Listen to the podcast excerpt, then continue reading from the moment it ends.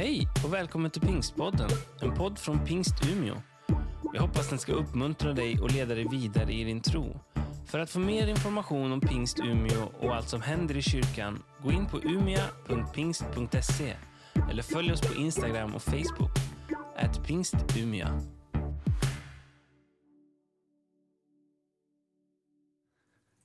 Ja, de som känner mig vet ju att jag är uppvuxen i, i den här rö, väckelserörelsen som kallas pingströrelsen. Jag, min pappa var predikant, min morfar var predikant och så är jag själv predikant. Hur kunde det bli så? Har du någonsin ställt några frågor eller har du bara liksom köpt alltihop? Och då tänkte jag bara så här för att inleda eh, den här, det här samtalet vi ska ha nu, för nu tänker jag inte predika själv, utan jag tänker vi ska predika som man gjorde lite i synagogan. Det var mycket samtal och bibelläsning och man bröt och bände för att hitta vägen tillsammans. Jag tänkte jag skulle inleda bara med att vara lite personlig. Alltså min, eh, min pappa var ju predikant, han hade läst Bibeln, jag vet inte hur många gånger. Och eh, var väl glad tror jag, eller han var ju glad naturligtvis när jag som tonåring Eh, själv började läsa Bibeln. Ja, eh, det var en, eh, en stor utmaning för mig att komma igenom för jag läste långsamt på den tiden. Hade, det tog tid för mig att knäcka den koden. Liksom. Och när jag läste så ville jag ju naturligtvis undersöka om det jag så att säga hade en erfarenhet av. Jag hade ju känt Guds kärlek och tyckte jag visste ju vem Gud var. Men stämmer det? Och då, då utgick jag ju från då, och nu eh, tänker jag att vi får väl den frågan här nu av Fredrik som ska moderera samtalet. Jag utgick ifrån att om jag läser i Bibeln så, så kan jag liksom vända mig mot något slags facit. Eh, så tänkte jag. Och jag läste igenom Bibeln och då kom jag till frågan om treenigheten. Och den höll jag fullständigt på att pulverisera min, min pappa med. För jag tänkte om Gud är en och så säger Bibeln att han är vår far, skaparen, eh, ursprunget. Och så är han vår frälsare, Guds son. Och så är han dessutom vår hjälpare. Hur kan de tre gestalterna vara en enda och samtidigt tre? Och, och, jag minns en dag när jag kom till Matteus 28. Nu får vi se om de som kan grekiska kommer att korrigera mig. Men eh, vi får väl höra här nu då, om det är någon som kan det. Eh, när jag gjorde upptäckten att ordet namn inte, det kan skrivas både i singularis och pluralis på grekiska. Och det, var ju, det här borde jag naturligtvis ha kollat extra noga innan jag säger detta nu. Då. Så får du som har läst grekiska, Emma, ska hjälpa mig. Jag har Fredrik här.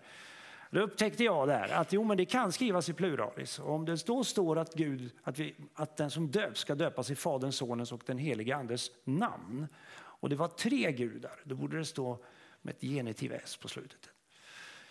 Det gör det inte. De har samma namn, Fadern, Sonen och Anden. Och då lossnade allting för mig. Ja, ni fattar. Alltså jag brötade något hejdlöst. Med detta skulle jag vilja säga att alla har frågor. Även en troende. Även pingstvänner som emellanåt kan uppfattas som ganska färdiga. Jag märker ju det när jag möter mina andra trossyskon. Vi, vi, vi tycker och tror att vi vet. Men Bibeln säger ju inte att man ska veta på Gud, man ska tro på Gud. Lita på. Jag skulle också vilja säga att det är okej okay att ställa frågor. Alltså jag tänker att jag vill vara med och bygga en kultur där man faktiskt får fråga. Det är, för mig är det viktigt. Eh, det har ju hänt att jag själv har gjort så här när någon har ställt frågorna. Så, jag orkar inte med den frågan. Det har kanske aldrig hänt för er, men för mig händer det ibland att det blir, man blir liksom full med frågor. Men jag vill ändå säga, ja, men kom igen och låt oss hjälpas åt. Det här är inget nytt. Läser man Bibeln så ser man att den är full med frågor. Eh, ormen frågade Eva, skulle då Gud har sagt. Det är ju en, det är inte en fråga till Gud, utan det är en ifrågasättande fråga.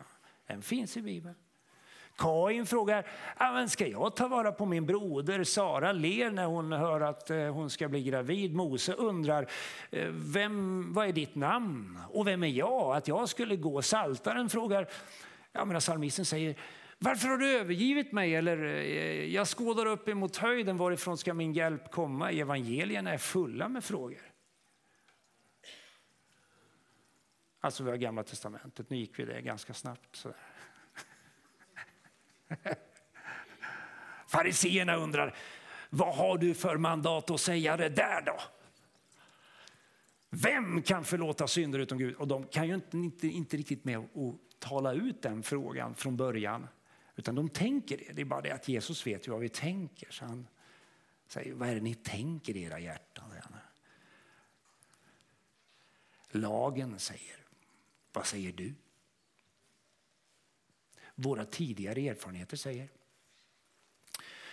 De laglärde, även den rike ynglingen kom ju med den här frågan, vad ska jag göra för att vinna evigt liv? Det är tack vare den frågan om vem som är min nästa som vi får berättelsen om den barmhärtige samariten. Det är bra att ställa frågor. Hörni. Inte bara teologiska. Vem är störst? Vem får sitta på högra sidan? Hur många gånger ska jag förlåta då? Eh, sju gånger sju, räcker det? Tyckte Petrus. Ah, sju gånger sju gånger sju. Det är ju talmystik som finns i Uppenbarelseboken oändligt antal gånger. Det kan vara bra att tänka på när ni blir irriterade på mig någon gång. Sådär. Hur många gånger ska vi förlåta den där pastorn? Nej, men samlevnadsfrågorna likaså. Liksom, eh, eh,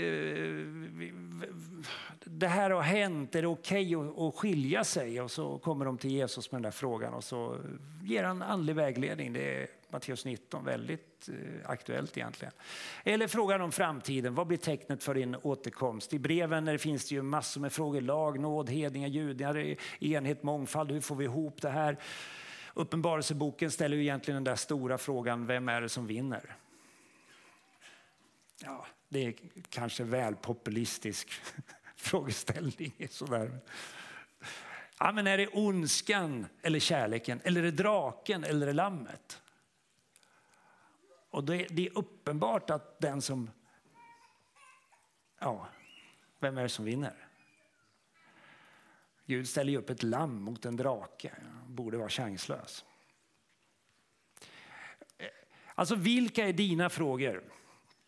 Och nu har vi förberett det lite grann så att vi har eh, öppnat upp. Man har kunnat mejla in frågor, man har kunnat eh, skicka frågor på Messenger och man har kunnat ja, prata, sagt jag har en fråga och så. Och vi har faktiskt fått frågor. Eh, jag har frågat, eh, jag, frågat, jag har bett Fredrik Wern, vår eh, pastor bland unga och unga vuxna, att moderera. Och sen har jag tänkt så här att jag kan ju inte stå här och svara eller föra något resonemang med mig själv. Så jag har inbjudit en av våra äldre församlingsledare, Åke Borgström. Han har varit församlingsledare i flera decennier. Dessutom ja, allmänläkare tror jag. Och sen behöver vi naturligtvis en lärare som dessutom arbetar som pastor i församlingen, pastor bland barn och familjer eh, i tio år så där, tror jag. Maria Winnervik. Och eh, sen tänker vi att vi behöver ha någon från akademin också. Ehm, och då tänker vi på den teologiska akademin. Så vi har frågat Emma Nandorf som är studievägledare här på ALT, Akademi för ledarskap och teologi. Jag säger välkommen upp till er och så får vi väl hjälpas åt. Det här blir spännande. Och så lämnar jag över till, till Fredrik. Eh, vi ska se. Vi har Ja. Eh, så får du göra som du vill. Där. Du får ta...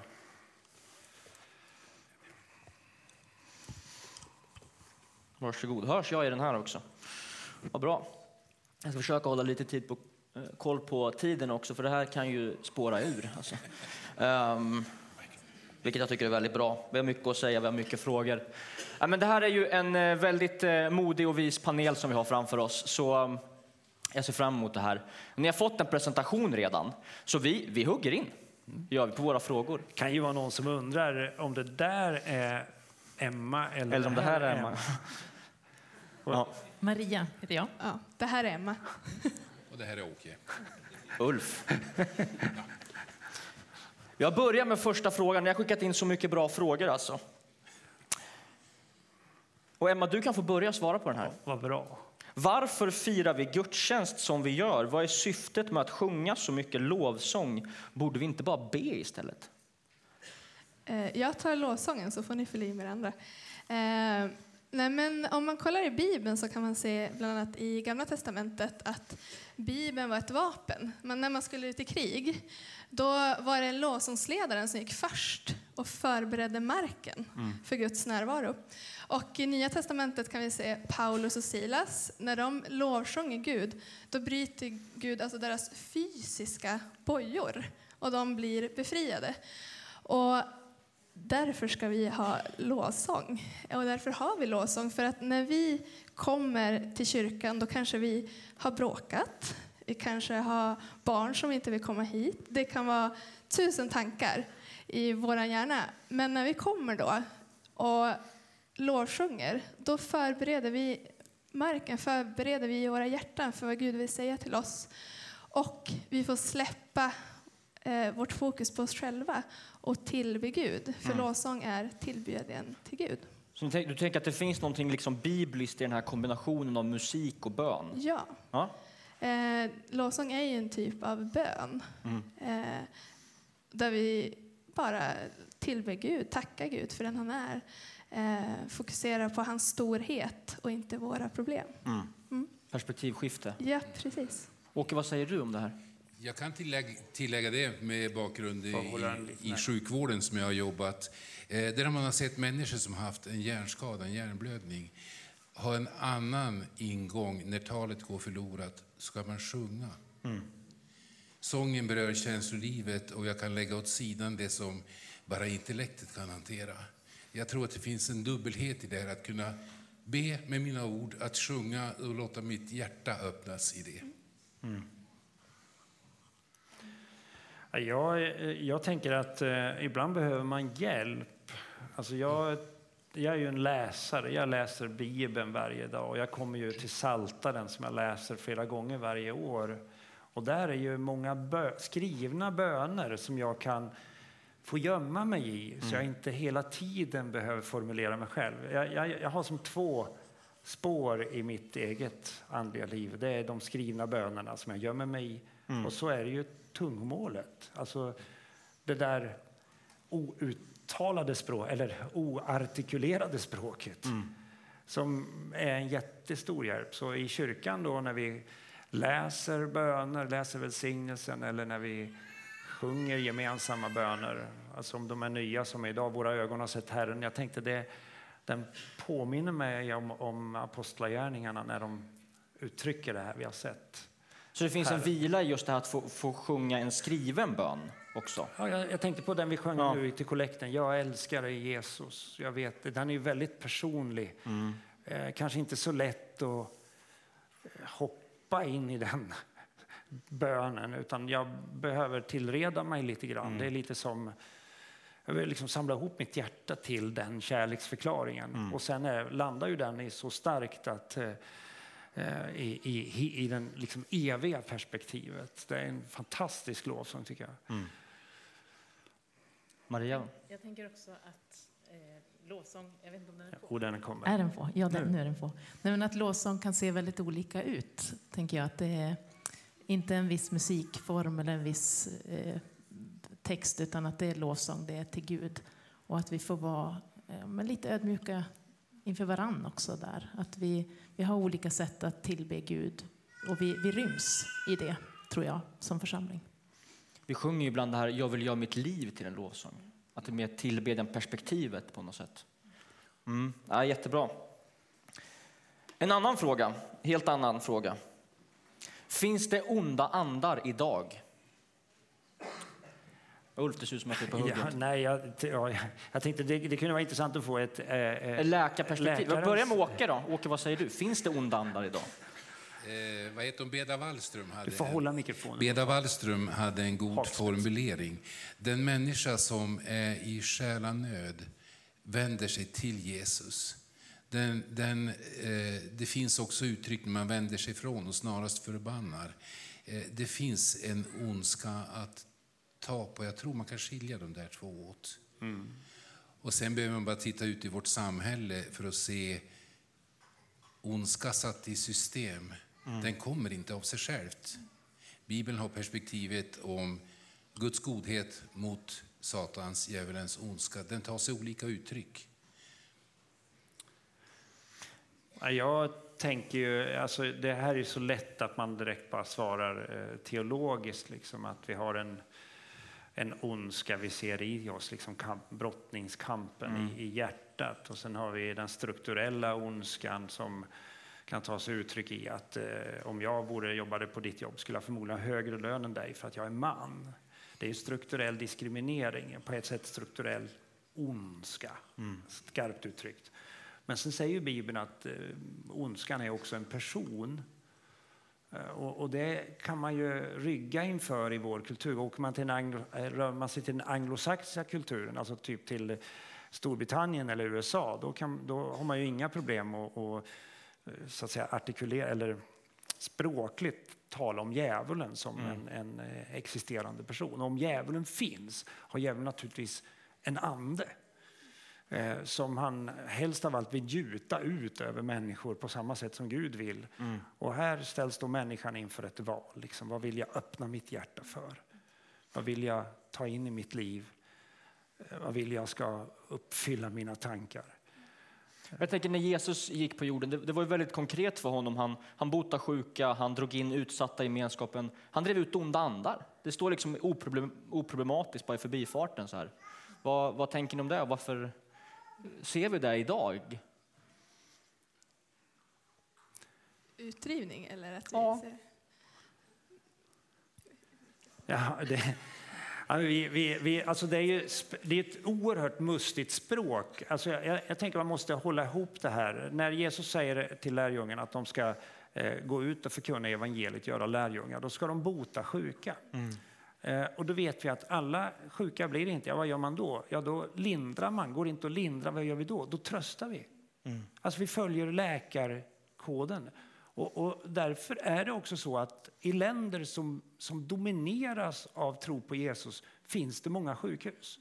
När vi skickade ut missionärer till Centralafrika byggde vi dispensärer och byggde skolor och kyrkor. Eh, och, och då har man den fjärde kallelsen, att driva ut, att ta upp kampen emot det onda.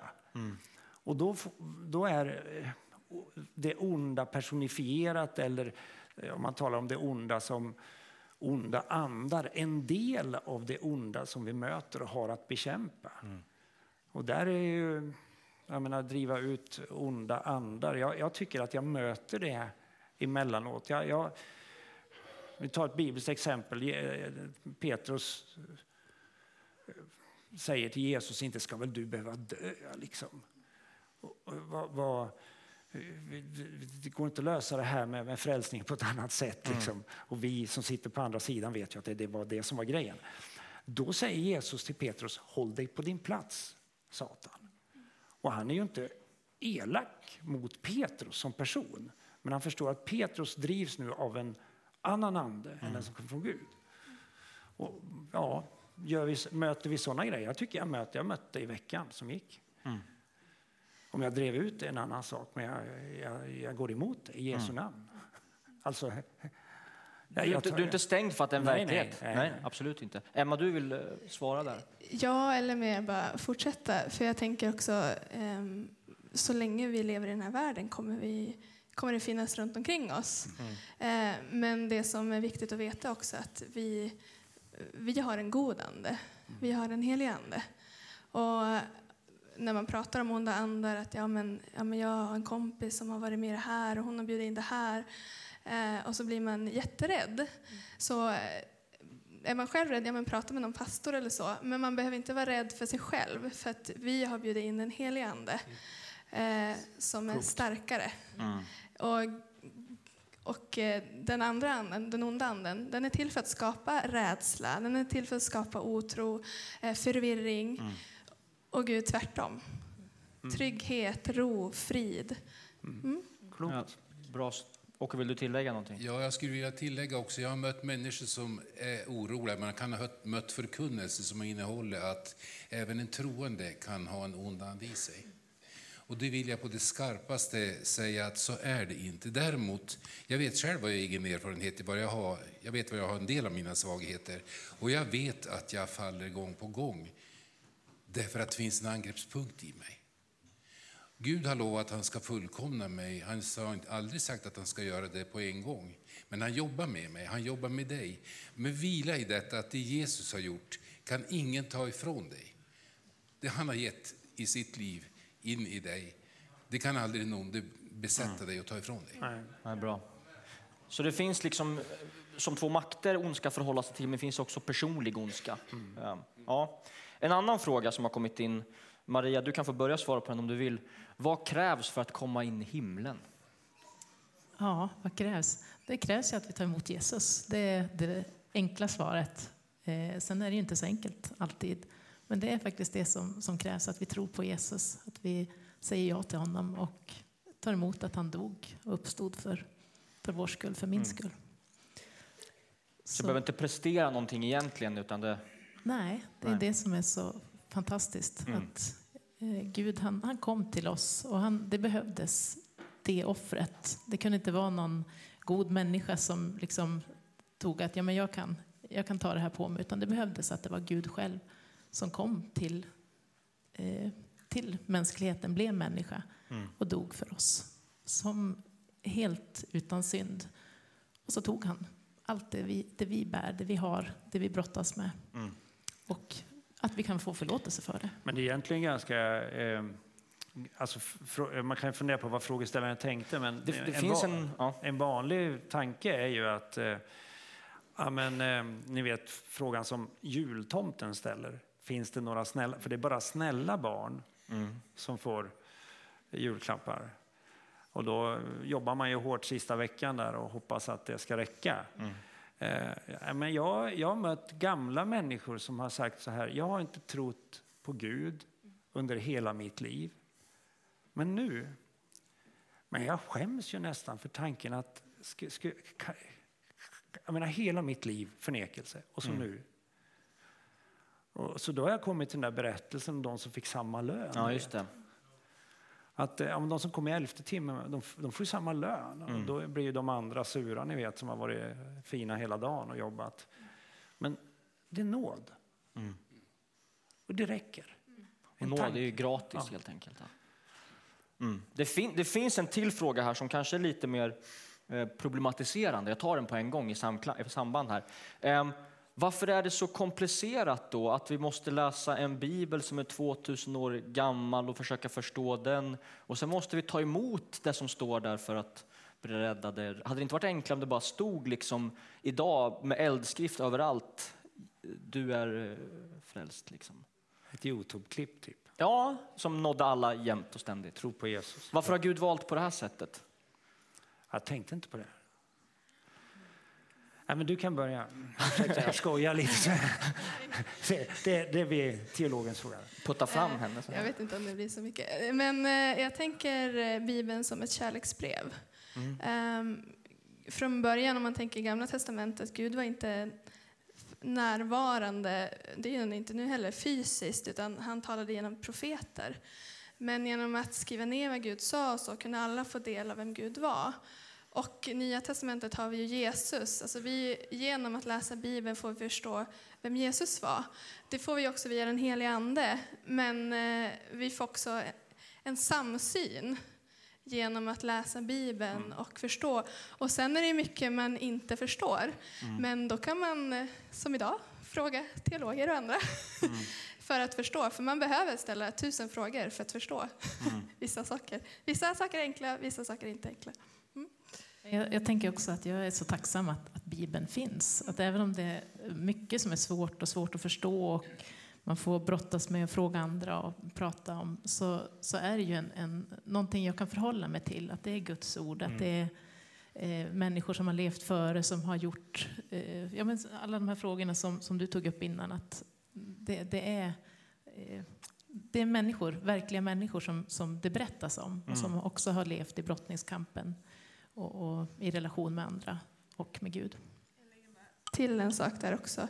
Eh, för att förstå Bibeln så måste man nästan lä- först och främst fundera om man tror på Jesus och läsa Bibeln genom vad Jesus gjorde för oss. Så Bibeln är på något sätt det viktigaste sättet genom att vi förstår Jesus, förstår vad, vad frälsning och livet handlar om. Och så här. Men, men sen också som ni säger att det är att förstå mer. Man kan, vi hör ju om människor som möter Jesus i drömmar och så här, innan de har hört Bibeln och så. så att det är liksom det viktigaste medlet men, men Gud kan dra människor utanför också. Men eh, det är ändå en intressant fråga. Skulle han kunna ha valt något annat medel? Eh, och då, jag menar, innan Bibeln fanns skriven de, fanns den ju som berättelser. Och, och berättelsen som metod för lärande är ju oerhört pedagogiskt egentligen. Alltså det, man kan ju ta Eh, jag- menar, vad, vilken berättelse som helst, barmhärtige samariten till exempel. Ska man förstå vem är min nästa? Ja, men då berättar Jesus en berättelse om en fiende till judarna. Och, och så gör han fienden till den barmhärtige. Och så blir den som hör berättelsen, som är jude, tvungen att säga att det var samariten som var barmhärtig. Eh, Och, och sen får han uppmaningen, gå du och gör likadant. Alltså den, det är ju så pedagogiskt så att jag tänker nästan att det är tvärtom. Okej. Att det är synnerligen smart att göra. För det här är ju en, det är en stor, massa små va? Men det är en stor majestätisk berättelse som, krä- som liksom är från tidernas begynnelse till ja, liksom slutet. Liksom. Så den är ju den är häftig. Ja, jag, jag håller på, jag, eftersom jag läser den varje år, jag brukar göra det en gång varje år, då tycker jag att och då brukar jag sluta med Jobs bok och Uppenbarelseboken parallellt. Para, by the way, tips, läs dem samtidigt. Det är ganska häftigt. Alltså det är helt... Det är helt och ändå fast jag vet hur det ska sluta, så tänker jag jag måste, måste ha slutet. Det är som att se på en bra film, man vill se den hur många gånger som helst. Maria. Också det att Jesus är inte en nödlösning, att, att Gud kommer på ja, men vad ska jag göra nu, utan det är ju verkligen det är Guds plan från början till slut. Att det, det håller ihop, det är en röd tråd genom hela Bibeln. Det tycker jag är fascinerande att se. Åke, har du någon? Jag tänker, det är en fråga som ligger nära den här. Vi, min fru och jag har varit hjälpledare inom Alfa. Och det kommer ju människor, en del har en god bakgrund, kan en hel del, andra kan nada, men har av någon anledning blivit intresserade. By the way så är det Guds ande som drar oss. Men man får frågan, måste jag tro, måste jag tro på alltihop? Måste jag tro på alltihop? Eh, Vad brukar du svara då? Eh, ja, ska man slå upp ett bibelord så står det i Fesebrevet. Paulus gör där en, en snabb genomgång om sin bakgrund som ur religiös lagens synpunkt var en, en fullkomlig man. Han hade gjort allt. Men sen fann han Kristus och då var allt det andra avskräde. Och så sen så går han igenom lite grann om, om hur vi som efterföljare ska vara. Och så säger han, ursäkta om det blir 17 års översättning som jag citerar utan till. jag är den åldern. Men han säger om någon i något stycke, om någon har andra tankar så ska Gud ge dem klarhet. Han säger om sammanfattningen, må vi ha ett sånt tänkesätt, må vi, vi bör tänka så här angående det centrala i Kristus. Men har vi andra frågor, har vi andra tänkesätt, Gud ska ge klarhet, det ligger på hans uppdrag. Det har han lovat oss. Det kan få växa fram. Liksom, Ja. förståelse. Ja. Och där har frågorna sin plats. Det finns en, en fråga som jag tänker vi drar in på här nu, med just Bibeln och hur ska vi tolka och förstå. Och en fråga då är ju, hur ska vi se på Bibeln? Är, är, är Bibeln felfri i allt? Eh, Så tittar de på mig. Ja, det, Ja, men vi, kan titta, att- vi kan titta på Emma först. Så kan- får, ja. det- Nej, men jag tänker så här, jag ser inte Bibeln som att den är dikterad från Gud. Alltså dikterad, då är det ordagrant exakt som Gud har sagt. Varenda ord som står har han sagt. Och det skulle inte funka, för den här är ju för det första översatt från andra språk också. Den här är, det här är ju inte grundtexten liksom. Eh, och sen så, nu ska jag se vad jag tänkte där. Nej men, eh, men att se den som alltså, utandad av Gud. Mm. Gud använder oss som redskap i allt. Alltså, han använder oss till att tala in i människors liv, han, mm. han använder oss att hjälpa varandra, vara läkare. Eh, och på samma sätt så har han använt människor till att eh, skriva bok, eh, Bibeln. Eh, så jag tror att den är utandad av Gud. Sen är det människor som har skrivit den. Den är inte dikterad av, av Gud, men mm. utandad av. Gud. Och vad betyder det? Om, om... Eh, inspirerad. Det är, Gud har talat till människor om, om vad de ska skriva. Och, jag, och gett uppenbarelse, ska jag säga. Inte bara ja, men skriv så här, utan uppenbarelse. För det, det är så tydligt att det är en röd tråd från början till slut. Mm. Så jag har svårt att tro att, att eh, det inte är Gud som har gett dem den uppenbarelsen. Sen står det på vissa ställen kan det ju stå så här, det här är Amos ord, det här är Guds ord. Just det. Det finns ju också. Mm.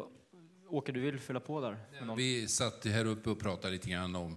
Eh, Bibeln sticker ju inte under stol om, om de stora lärarna. Petrus och Paulus eh, nämner ju om vad den andres tänkesätt. Jag håller inte riktigt med, säger Paulus om Petrus i vissa saker. Och Petrus han säger att Paulus han uttrycker sig så det kan vara svårt att förstå. Det, det, det, det och det är inte ett problem? Nej, det är inte Nej. ett problem mm. så. Eh, och det andra som jag tänker det är att det är kärnan i det vi tror, Nya Testamentet. Gud och Guds ande har bevarat det genom historien i 2000 år. Och, och eh, det är ett sanningsvittne i sig att ordet håller. Mm. Det håller genom olika kulturer, olika tidsåldrar, olika tänkesätt. Och ändå är det fortfarande sanning. Maria? Jag tänker också att det är olika texter som Bibeln består av. Och det är också viktigt att, tänka när man läser Bibeln att det är, det är poesi, det är mm. brev, det är historiska böcker. Att när jag läser så, och, och har den förståelsen så är det lättare att, att se också hur, hur Bibeln är skriven. Mm, precis, så vilka, vilken typ av texter och vilka anspråk gör just den här texten? Ja. Liksom? Vad betyder att den är felfri på det sättet? Ja. Åke, du hade något? Nej, jag glömde ju den lutherska kommentaren till det här. Om du stöter på någonting som du inte förstår, lyft på hatten och gå förbi. Sinom tid så ingår det i det att Gud ska ge dig klarhet. Mm. Så det finns saker och ting som jag inte begrep i början och som åren, andras kommentarer har gett ljus över. Och det ingår i det kontrakt Gud ger, detta att få växa tillsammans med varandra och, och dela varandras erfarenheter. Mm. Emma, slutord där på den. Om jag ska ge slut, ja. jag ska inte jag bara kommentera. När, när jag hör vilken bibelsyn mina, min panel har här känner jag mig väldigt trygg. Det är bra. det tackar vi för. Eh, men Emma, du hade något inlägg där. Ja, men jag tänkte också när man inte förstår saker att man ser helheten, igen den här röda tråden. För vi pratade lite där uppe och skämtade om mm. att i Uppenbarelseboken står det och det stod änglar vid jordens fyra hörn. Ja. Och om vi skulle ta det bokstavligt, ja men då skulle vi kristna fortsätta att säga att jorden är platt. Det är fyrkantigt. Ja. Det är fyrkantigt, precis. Ja. Eh, då måste man ju läsa psalm 100 3. Ja, det står att eh, eh, nåden är så hög som himlen är över jorden och våra överträdelser kommer vara lika långt som öster är ifrån väster och inte syd och nord. nord ja. Som ju är punkter. Mm. Men öster, var börjar öster ja. och slutar väster?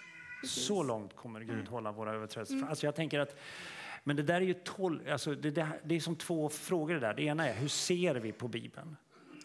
Alltså Tänker jag att jag lägger den under mikroskopet och det är jag som bestämmer vad som är Guds ord? Eller tänker jag att Bibeln själv får... Be... Alltså mm. respektfullt. Uh, och, och andra, den andra frågan är, hur tolkar jag den? Och då, då Emma sa ju så bra här att uh, på med Jesu glasögon. Liksom. Hur, hur tolkade Jesus Gamla Testamentet? Mm. Och hur får jag ihop det med Jesus? Och, och, så håller jag mig, som du säger, då, de centrala delarna. Börja med centrum. Det är Annars en blir det jobbigt. jättespännande fråga eh, och vi skulle kunna prata länge. Jag tror vi får gå vidare om vi ska hinna med någon mer. Ehm, Och då har jag en fråga som lyder så här. Påverkar min bön Guds handlande? Alltså, krävs det att jag ber för att det ska ske eh, ett helande eller ett ingripande? Varför, varför är det så? Påverkar min bön Guds handlande? Maria, vill du hugga på den? Jag tror att det gör det. Jag, jag eh, tänker att vi vi är skapade till en relation med Gud. Att det, han, han vill ha det samarbetet med, med oss och att han har uppmanat oss till att be och att vi, vi ska komma till honom med våra önskningar. Vi ska be för varandra. Vi ska, eh, ja, och, och Jesus gjorde det när han gick på jorden. Eh, sen är ju Gud, han, han kan eh, göra under utan att, att vi ber om det. Han kan göra under för människor som inte har sökt honom. Det, det tror jag också. Men, men jag tror att vår bön eh, har... Dels är det en, en, det här relationen tillsammans, att vi, där två eller tre, att vi bestämmer oss för någonting, vi tillsammans. Att Gud vill ha relation, att vi ska ha relation, goda relationer. Och om vi då går tillbaka till den onde, han, han vill ha splittring. Så att där finns det också en poäng att vi ber tillsammans. Så lite som med Bibeln då, Gud har valt människor för att skriva sitt ord och Gud har valt människor för att göra sin Men eh, jag tänker det finns vissa grejer som jag tror att om vi skulle be Gud att inte komma tillbaka, skulle han komma ändå. Om vi skulle be, jag menar om man nu tänker, eh, man skulle vilja hindra Guds frälsningsplan, eh, där det han har bestämt sig för och lovat att han ska göra, det påverkar, låter han inte påverkas av våra böner. Däremot kan vi tydligen påskynda ankomsten. Det är den enda grejen vi kan göra när det gäller hans ankomst. Men alltså det, så där tänker jag att det gäller att se skillnad. Sen när det gäller bön så, tror jag att vi lever i en kultur där, där liksom, ja, men min mobil går långsamt, det tar en tiondels för lång tid innan den svarar. Va? Ja, då ska jag byta. Vi ska ju ha behovsuppfyllelse på en gång. Gud har ju ett helt annat perspektiv. Han kan ju liksom tänka att Nej, nu Ulf han behöver nog vänta ett tag. Där. Jag har lite andra grejer jag behöver lära honom och så får jag vänta. Och vissa grejer har jag ju uppenbarligen får jag ju vänta på det till dess Jesus kommer eller jag själv dör och får stiga in i eh, liksom för, med förvandlad kropp. Så det är ju det finns ju evighetsperspektivet. Åke, du hade en... en, en... Ja, Emma var ivrigare. Ja, okej. Men det kanske är. Ja. Nej, men, ja. Nej, men sen tänker jag så här att ja, men, ja, men varför svarar inte Gud på bön då om det är genom min bön som han gör saker? Alltså jag kan personligen känna att jag är väldigt glad att det är mycket han inte har svarat på under åren. eh, för då hade inte jag varit där jag är idag. Jag tänker igen det här, Gud har ett större perspektiv. Ja. Vi ser vår lilla värld, han har ett evighetsperspektiv. Jag tror inte jag hade varit i Umeå, jag hade inte varit gift med Joel om jag hade fått min bön igenom. Liksom. Så att, Mm. ja. så att det, Då har vi Jo. Åkes sista. Eh, vi hade förr böneringar istället för cellgrupper eller vad vi nu kallar det. det. Funktionen är samma. Vi läste en bok av en gammal bibellärare vars namn jag har glömt, men inte innehållet. Det stora problemet, skrev han där, det är inte att Gud inte kan svara på bön. Utan Guds stora problem är att flytta mig till en position att jag kan ta emot vad han vill ge mig. Och det kan vara något, ett jobb både för mig och för Gud, att kunna dra mig dit. Så att han har sitt svar i sin tid. Och ibland är det som du säger, att ibland så avstår han för att fylla. Det är som ungarna som ber att få leka med förskäraren. Det bör man ju inte vara så positiv till. Vi får ta en sista fråga och ett kort svar ifrån Ulf. Vem har skapat Gud? Ja.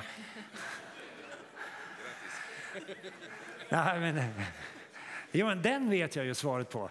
Eh, nej, men, eh, eh, det är ju egentligen det som är grejen med Gud. Det är den, den, en av de stora, ja, låter för fjuttigt att säga, men att han alltid har funnits. Det, Han har ingen skapare. Jag får bara försonas med den tanken. Ja, alltså det är en del av det som gör Ja. honom till Gud. Om man nu kan säga att Gud blir till Gud. Han är ju det. Va? Det är det som gör att han är Gud. Hörrni, tack så jättemycket för att ni har svarat. Vi ger dem en applåd. Ni kan gå. Ja. Vi har ju, eh, det finns fler frågor och vi kommer ju alltid ha frågor. Det är ju en del av livet, en del av vad det innebär att vara människa. Och mitt i allt det här så får vi bara lita på att eh, Gud är god. Vi får lyfta på hatten som, som Åke sa och gå vidare en stund. Vi, vi lyssnar på en sång om Guds godhet och sen så ska vi gå in i en stund av förbön.